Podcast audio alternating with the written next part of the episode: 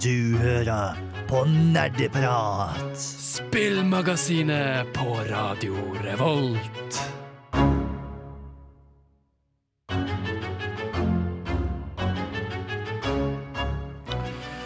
Og hallo og velkommen alle sammen til denne episoden av Nerdeprat. I dag er det halloween, og vi skal snakke om skumle ting. Med oss i studio i dag så har vi altså meg, Håkon Dracula Sundby. Anna Pennywise Wilberg. Eh, ja. Steinar Frankenstein Ottesen. Hallo. Og ja, det, det er vel egentlig det. Vi skal snakke litt om skumle ting. Vi skal eh, kåre vi, hva vi syns er skumlest i litt forskjellige kategorier, og ja, det er vel egentlig det. Eh, før det så skal vi høre hva vi har gjort siden sist. Siden sist så har vi jo gjort noen par ting. Jeg var jo ikke med på forrige sending, og det var jo fordi jeg var i Oslo. Hva gjorde du i Oslo, Hakan? I Oslo var jeg og besøkte katten min. Eller nei, nå men, jeg mente søstera mi. Du har adoptert Eh, jeg, jeg, jeg var og besøkte katten min. Eh, Søstera mi, altså. Som eh, har fått seg katt. Og derfor besøkte jeg henne, og det var veldig hyggelig. Vi hadde det veldig kos. Besøkte henne bare fordi hun har fått katt? Ja, egentlig. Okay. Um, eller, eller det var en Kall det motivator da, til å besøke henne, fordi jeg har jo savna henne. Så selvfølgelig vil jeg jo besøke henne, men Hvem savner du mest nå, etter å ha besøkt dem? Katten eller søstera di? den katten var jo veldig, veldig slitsom til tider. Åh. Den lot meg ikke sove om natta. Den var veldig sånn drittsekk i form av at jeg, jeg satte telefonen min på lading om natta, og han skulle løpe rundt han skulle leke fordi han skulle ikke sove når jeg skulle sove. Um, så, og det var flere ganger hvor han bare løp bort til laderen, og så nappa han den ut av telefonen, og så løp han vekk. Det, det er et kjempeviktig poeng. Ikke, ikke ha ting i kontakter når du har små dyr eller små barn, for de kommer bare til å se 'Å, der er det en ting jeg kan dra i'. 'Å, jeg kunne dra i den. Det var kjempegøy. Det må jeg gjøre igjen'. Ja, ja, men det var ikke sånn at han ville leke med ledningen, han ville bare nappe den ut. Ja, men det er sånn det er å ha katter. Det er leking, da. Det er katt, det. Ja, de syns det er gøy å irritere mennesker. Det er viktig å få med seg hvis man selv skal ha katt. De syns det er kjempegøy. Ja, spørsmålet mitt er hvor gammel er katten? Er det en kattunge? Det, nå er den vel 14 uker. Ja, så er det en kattunge. Ja. Den kommer til å plage deg og holde deg våken om natta. Ja. Det er et barn. Ja, ja. ja det er jeg fullt klar over. Den skrek som et barn også. Um, men ja, men prins, lille prins Baby Chonk den første var jo veldig søt. da. Oh my god, Det er det mest fantastiske kattenavnet jeg noensinne har hørt. Ja, det er ganske flott. Um, så ja, jeg var der, og så hadde vi det gøy. Vi festa, vi så på Bojack Horseman. Og så var jeg gjest på hennes radioprogram Skallebank. Hvor jeg ble tvunget til å gjøre dårlige imitasjoner av jokeren hele sendingen. Er det i studentradioen i Oslo? Ja, Radio Nova. Ja. Et større spørsmål, Kan du gjøre, vise et eksempel på denne jokerstemmen din? Nei, jeg vil ikke. OK, takk. Fordi det, det, det, det Ja, det var, det var ikke noe jeg har lyst til å gå igjennom igjen. Anna, hva har du gjort siden sist? Ok, Jeg skulle spørre hvilken joker, men siden siden ja, sist alle. ja. Um, ja, først en dårlig norsk invitasjon, så Heath Ledger, så Jared Letto, og så bare hva som helst. Ok. Jeg føler fortsatt at dette er en teaser for å få noe senere. altså. Kanskje. Uh. Vi, vi, vi får se. Kanskje, vi, kanskje det kommer noe etter hvert. Hvem vet? Oh, foreshadowing! haha. Anna, hva har du gjort siden sist? Jeg har fått i gave The Outer Worlds, som er det nye spillet av Oh. Obsidian. Så det er egentlig det det har gått i å spille. Jeg har gjort andre ting enn å bare spille det, altså jeg lover. Men det, sånn på spillfronten så er det det det har gått i de siste dagene. Ja, fordi du hadde jo bursdag forleden, du. Ja, Var det det, hadde jeg faktisk. Eh, det er sånn, jo eldre jeg blir, jo mindre klar Eller hvor, hvor mindre bryr jeg meg om min egen bursdag. Ja, ja, men den kan jeg kjenne meg igjen i. Ja, ikke sant? For det er liksom mindre og mindre spesielt hvor lenge du har vært i live. Eller det er fortsatt gøy, ikke det. Og nå er jeg 25. Og det er jo en, en litt skummel alder i forhold til temaet i dag. Jeg føler 24 var det aller beste, og nå er det litt sånn OK, nå, nå er det fem år igjen, så er jeg 30. Nå er du på vei til å bli gammel. Nei, det, jeg skal aldri bli gammel. Men eh, det er, årene øker, da. Ja. Men jeg har, ja, i hvert fall det jeg har gjort det siste, er å spille The Outer World, som er helt fantastisk. Det kommer kanskje en, en liten anmeldelse i framtiden. Så det er meg. Det ser vi fram til. Jeg er jo veldig glad i Obsidian. Jeg har spilt kjempe, kjempemye Fallout New Vegas. Så det er jeg spent på å høre på hvordan det blir, og hvordan det er. Ja. Steinar. Ja, jeg har eh, Jeg har gjort veldig lite spillmessig. Jeg har vært på eh, to messer nå nylig. Eh, For alkohol og øl og sånt. Jeg jobber selvfølgelig da som bartender, hvorav jeg syns dette er interessant. fått en caps nylig fra et byggeri i Eller ikke byggeri, destilleri i Oslo. Som lager gin og akevitt og sånne type ting. Oh, fancy. Så det var ganske artig. Hvor kul er capsen? For den skal alltid 1 til 10. Uh, hmm, 8, tror jeg. Ja. Jeg liker den veldig godt. Jeg liker veldig godt logoen. Kul logo. Ja, Eh. den, vi skulle jo gjerne fått vist den frem, men den er jo her i studio akkurat nå. Det er fin liten sånn trekant. Er det Illuminati-trekanten? Man skulle tro det, sant? Men OND, Den hellige treenighet, eller noe sånt. Ja. ja nei Uh det, De eh, holdt på å si, spesialiserer seg for å bruke norsk eh, urter og norsk eh, eh, flora til å lage diverse typer gin og alkoholer. Så det var litt artig å få lov til å høre litt hva de bruker. Som myrplanter som kun lever i norsk skog. Er det økologisk produksjon også? Eh, sånn jeg forsto det, ja. Oh, kult. Mm. Ja, det, det var veldig fint å høre hva folk har gjort. Og det var veldig fint å dele hva jeg har gjort. Men eh, nå er vi ferdig med alt det snille, koselige snakket. Nå skal vi gå over til der, hvorfor vi er her i dag, altså halloween. Skumle ting. Oh, skummelt. Wow, jeg blir så redd.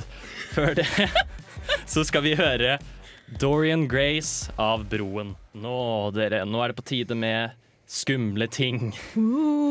Skumle ting er jo veldig populært. Det er såpass populært at vi har en hel høytid som sentrerer seg rundt det å kle seg ut og være skummel. Jeg protesterer mot bruken av ordet høytid rundt halloween. Det er bare en kapitalistisk idé som bare har spredd seg for å kunne selge ting rundt at en dag skal være skummel, og du skal ha kostymer og godteri. Det Tja.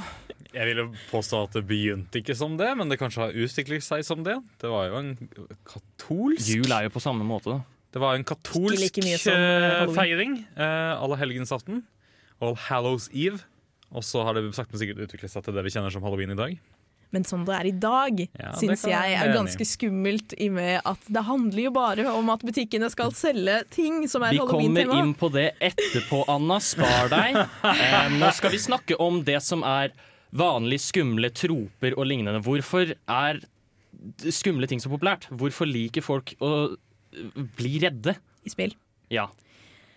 Det hele startet jo med en YouTuber som het Felix, også kjent som PewDiePie.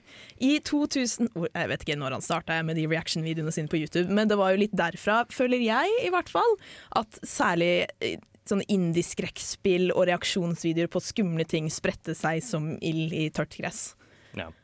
Det var jo spesielt da um, Amnesia, The Dark Descent kanskje, Ja, som startet denne bølgen før uh, andre spill som Slenderman kom inn. ja. Amnesia The Dark Descent det er jo utviklet av et svensk spillselskap som jeg ikke kom på navnet på akkurat nå, men det ble jo veldig ikonisk for den sjangeren, da, for det handler om at du våkner opp med amnesi, derav heter det Amnesia, og The Dark Descent, altså den mørke nedgangen, handler om at du må bevege deg lenger og lenger innover i et mørkt og skummelt herskapshus hvor det skjer overnaturlige ting, og du følges av en mørk skygge som tydeligvis er ute etter å drepe deg, ser det ut som. Mm.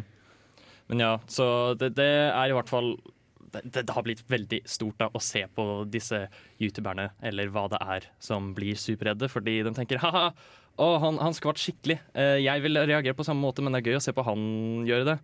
Han, nå, ble, nå ble han redd, og det, det var artig. Jeg vil se på mer av dette. Derfor lager vi Five Nights at Freddy's, og så ser vi på Markiplier spille Five Nights at Freddy's. Jeg føler også at Når du ser på noen andre spille skumle spill, så tar det litt av edgen for hvor Ja. skummelt du syns det er. Mm. Eh, flere ganger hvis jeg har spilt skumle spill, nå spiller jeg veldig lite skumle spill, så har jeg som regel sett noe av det på forhånd. Så jeg er litt forberedt på hva jeg går inn i da når jeg spiller en sånn type spill.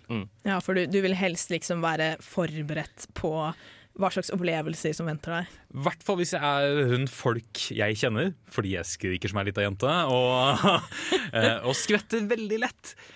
Så den spillersjangeren er ikke helt min ting. Jeg kan, jeg kan kjenne meg litt igjen i det, for det verste eh, ved skrekksjangeren er jo hvis du spiller noe alene. Men hvis du gjør det samme med andre, så får du i hvert fall litt den koselige rundt at du deler opplevelsen, og det blir mindre skummelt og mer sosialt. Jeg For min del så tror jeg aldri jeg hadde spilt alene. Jeg må liksom ha noen med meg for, for å dytte meg til å faktisk prøve å spille det. Mm. Uh, Slenderman jeg tror jeg aldri har spilt det mm, alene. Jeg har bare spilt det med folk, f.eks. Det, det gjør det mye morsommere. Mm. Se hverandres reaksjoner. Jeg har også en liten tanke om uh, hvorfor det er så stort og for, ja, å bare kjøpe eller se på skrekkfilm eller skrekkspill eller hva det er. Og det er fordi det vekker på en måte en liten følelse inni deg. Folk får et lite adrenalinrush av å bli redde.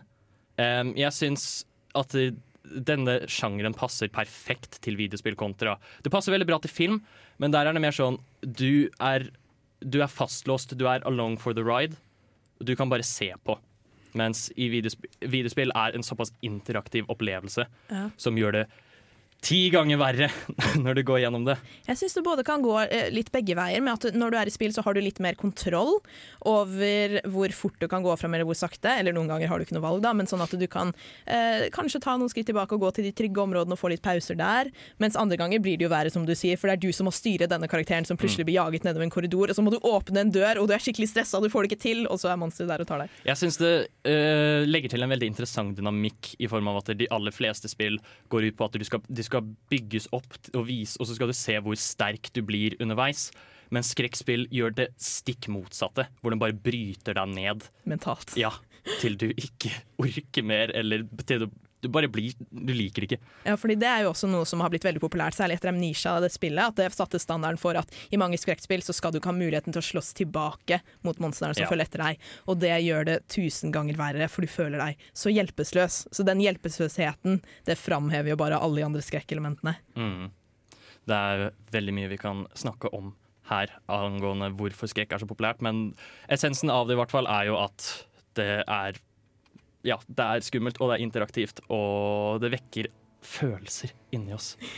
Eh, vi skal gå videre. Vi skal eh, snakke om litt ukonvensjonell skrekk. Før det så skal vi høre The 1975 med Frail State of Mind. Før låt så snakka vi jo litt om eh, skrekkspill og hva som gjør at det er så kult, og hvorfor folk liker det så godt. Men det er jo ikke hovedfokuset av uh, i dag. Fordi vi ønsker ikke å fokusere på skrekkspill, vi ønsker å fokusere på ting som er skummelt i spill. Derav vi skal nå gå litt inn på ting som kanskje Ting som er veldig skummelt i spill som ikke sikter til å være skumle. Ja, eller ting du ikke trodde skulle være skumle, og Ja. så bare viser det seg at å shit, det her var hakket verre enn jeg trodde det skulle være. Mm. Eh, jeg vil umiddelbart komme med et eh, eksempel fra et veldig veldig populært indiespill med navn Undertale.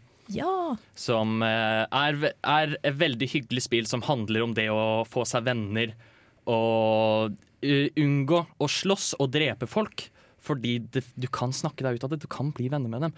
Men så har du denne lille karakteren med navn Flowey, som er en brutal morder og er skikkelig skummel.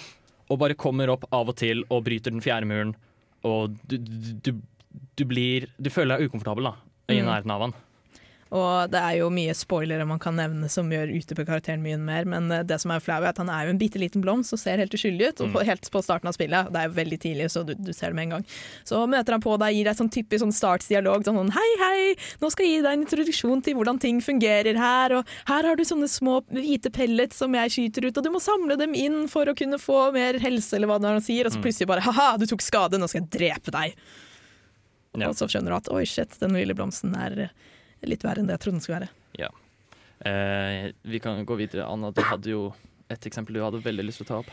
Eh, når jeg tenker sånn ukonvensjonell skrekk og sånn, så jeg er veldig glad i sånn type skrekk som går sakte, men sikkert innover deg hvor ille det er, da. Som ikke er sånn, det er ikke sånn jump scares eller noe sånt som du får hjertet ditt begynner å slå fordi du bare fysisk blir redd. Eh, jeg føler at det er liksom billig skrekk, men det jeg er glad i skrekk, er sånn eksistensiell skrekk, for eksempel.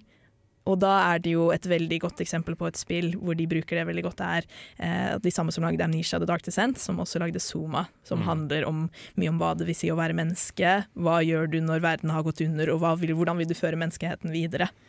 Jeg snakket om det tidligere på Nerdeprat, men det kan alltid bringes opp igjen. For det er et skrekkspill som eh, ikke De prøver å spille litt på de typiske skrekkelementene, sånn at det er type monstre rundt deg, og sånn, og noen ganger blir du jaget og sånn, men det er ikke det sterkeste siden. Den sterkeste siden er når det begynner å gå opp for deg Oi, shit, hva er de moralske sidene ved at du f.eks. har en klone av deg selv, og du skal gå videre i en annen form? Vil du da ta livet av denne klonen?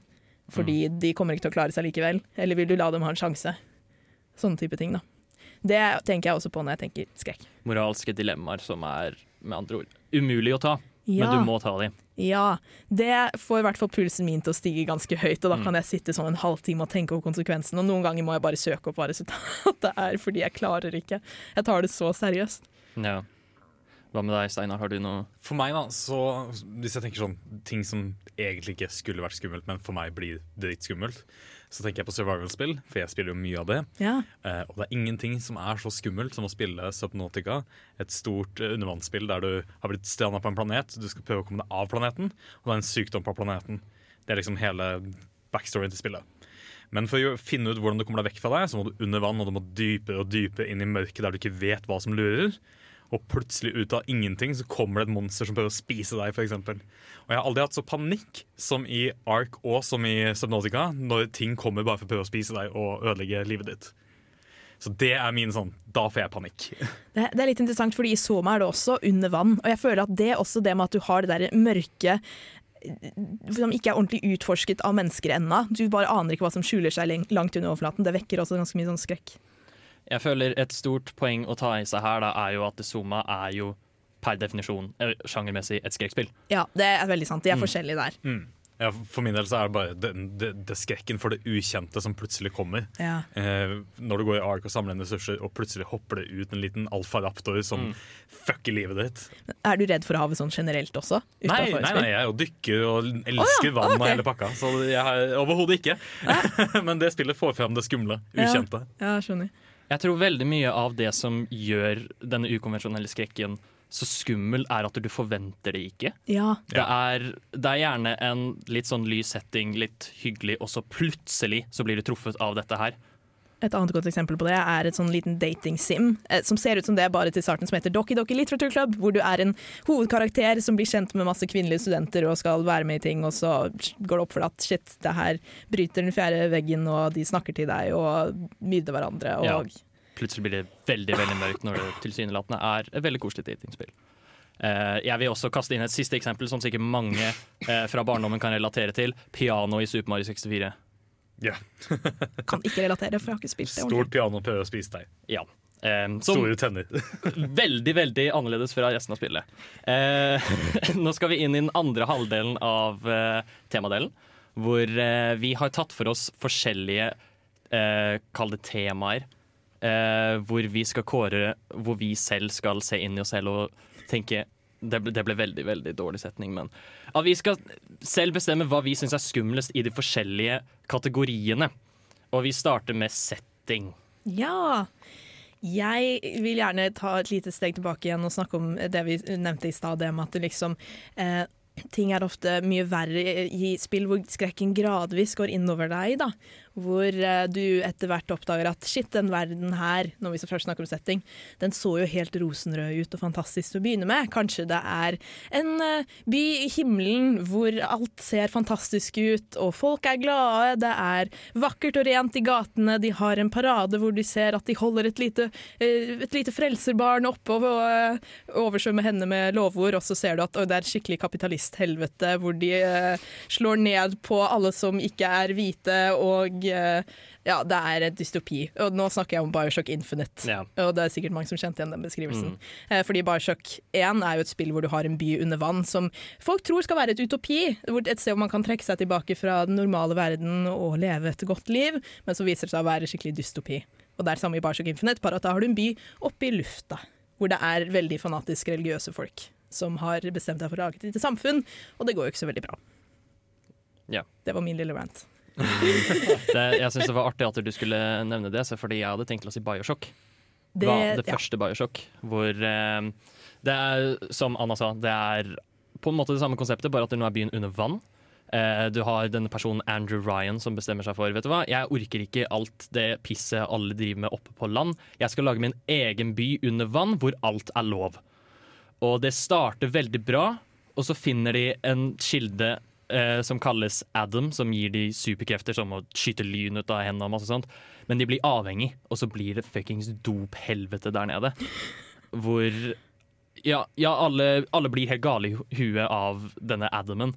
Og det er skummelt. skummelt. det er det eneste ja, jeg kan si om det. Eh, Et annet alternativ jeg også ville tatt opp, er Dead Space. Jeg syns bare Dead Space er skikkelig skummelt å gå gjennom. Ja, fordi jeg har ikke spilt Dead Space, men jeg vet at det er litt sånn eh, rom, verdensromskrekkspill. Mm. Det er eh, forestill Har dere sett filmen The Thing? Nei, ikke ennå! Det må jeg gjøre. The Thing har du liksom denne lille blobben, ingen vet hva det er, men den kan ta formen til andre mennesker.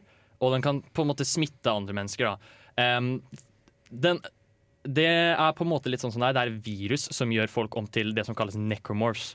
Det vil altså si at de dør, og så får de sånne svære kroker opp av ryggen. Og så går de rundt og så dreper de alt som er, og så gjør de andre folk om til necromorphs.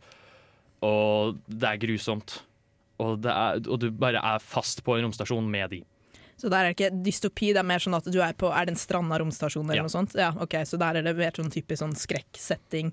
Kanskje du får den viben helt fra begynnelsen av det? Ja. Ja.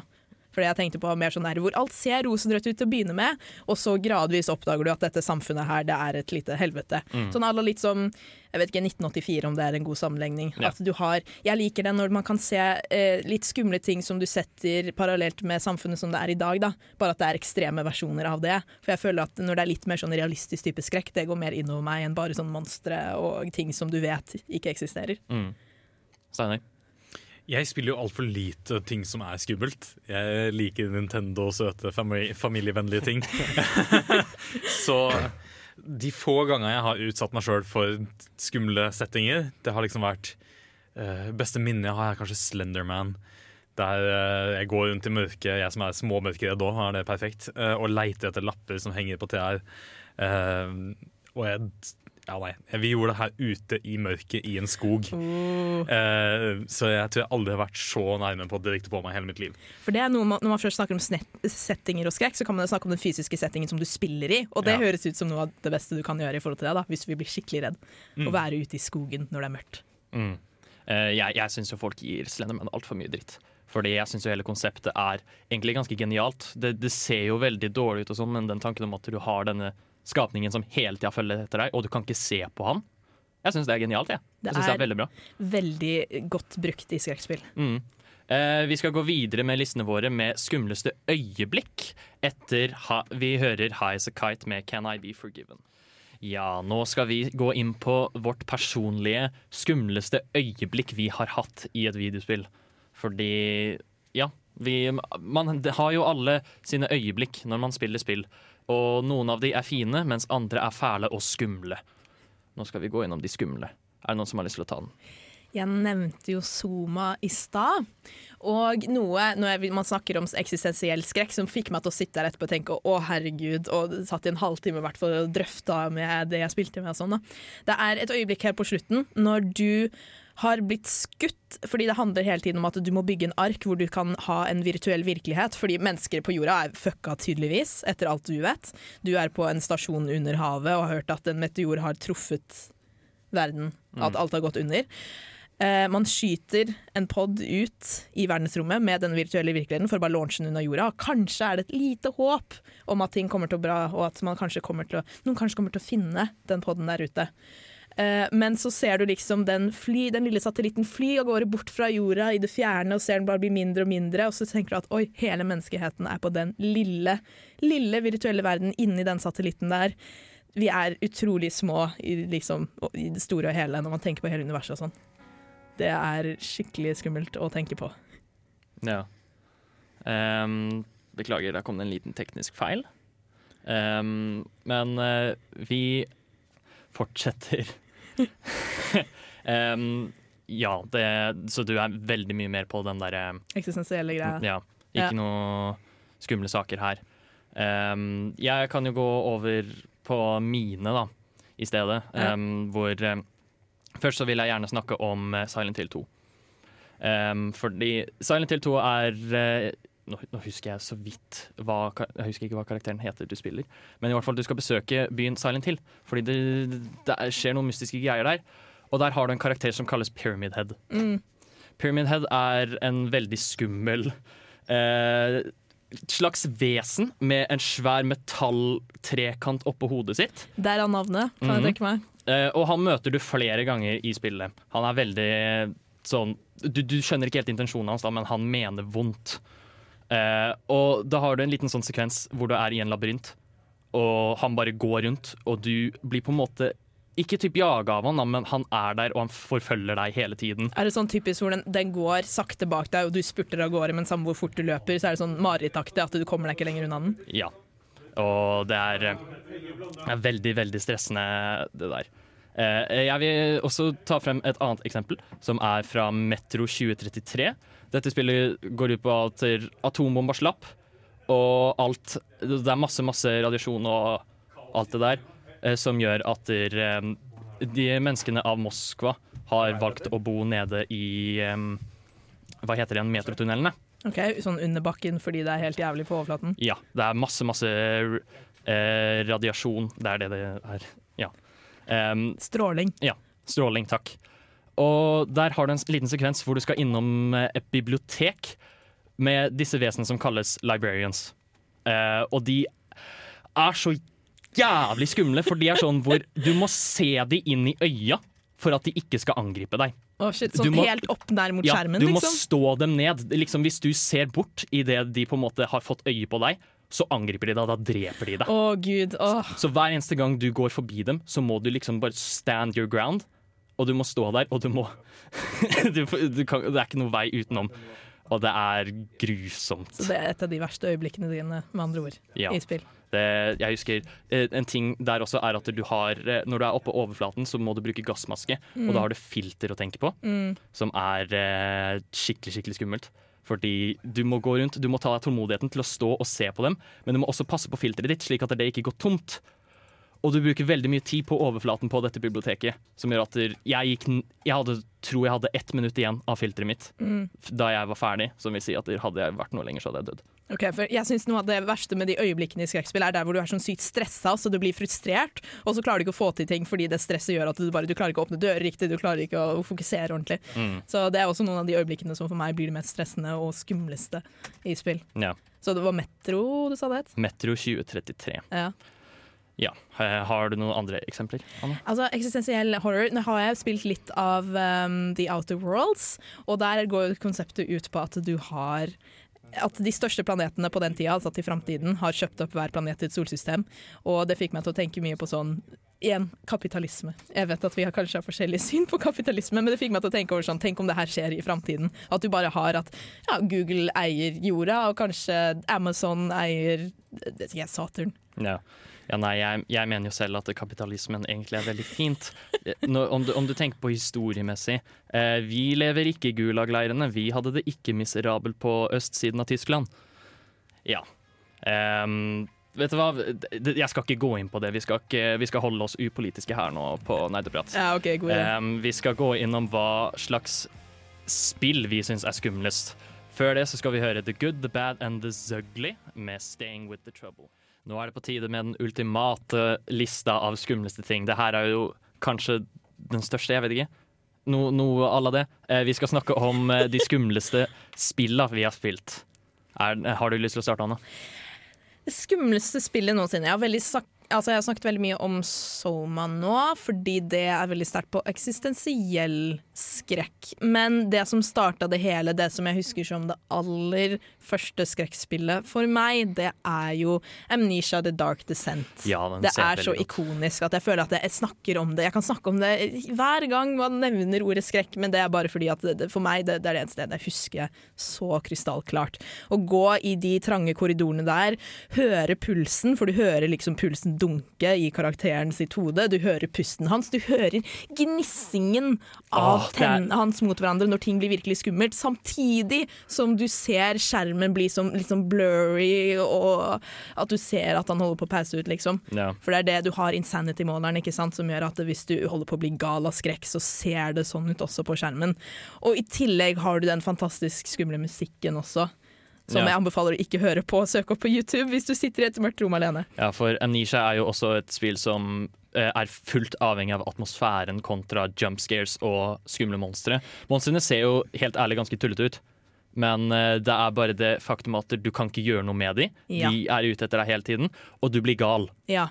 Så jeg føler at eh, Det er mange som, har lagd lignende spill i etterkant som er kjempebra. Du har f.eks. Outlast, hvor du, må, du har den kamera, du har et håndholdt kamera som gjør at du kan se mørket. ikke sant? Og du er inne på et asylum, gammelt asylum hvor du har masse gærne folk eh, rundt deg som følger etter deg, og det er også kjempeskummelt. Men Amnesia husker jeg veldig godt bare fordi det også var et av de første, og fordi de gjennomførte eh, alle de sjangertrekkene så utrolig bra. Og det er mye av det de lagde som folk har kopiert i etterkant, som har vært veldig oppskrift på en måte på et godt skrekkspill. Mm. Så det, jeg vil si Amnesia The Dark Descent for meg.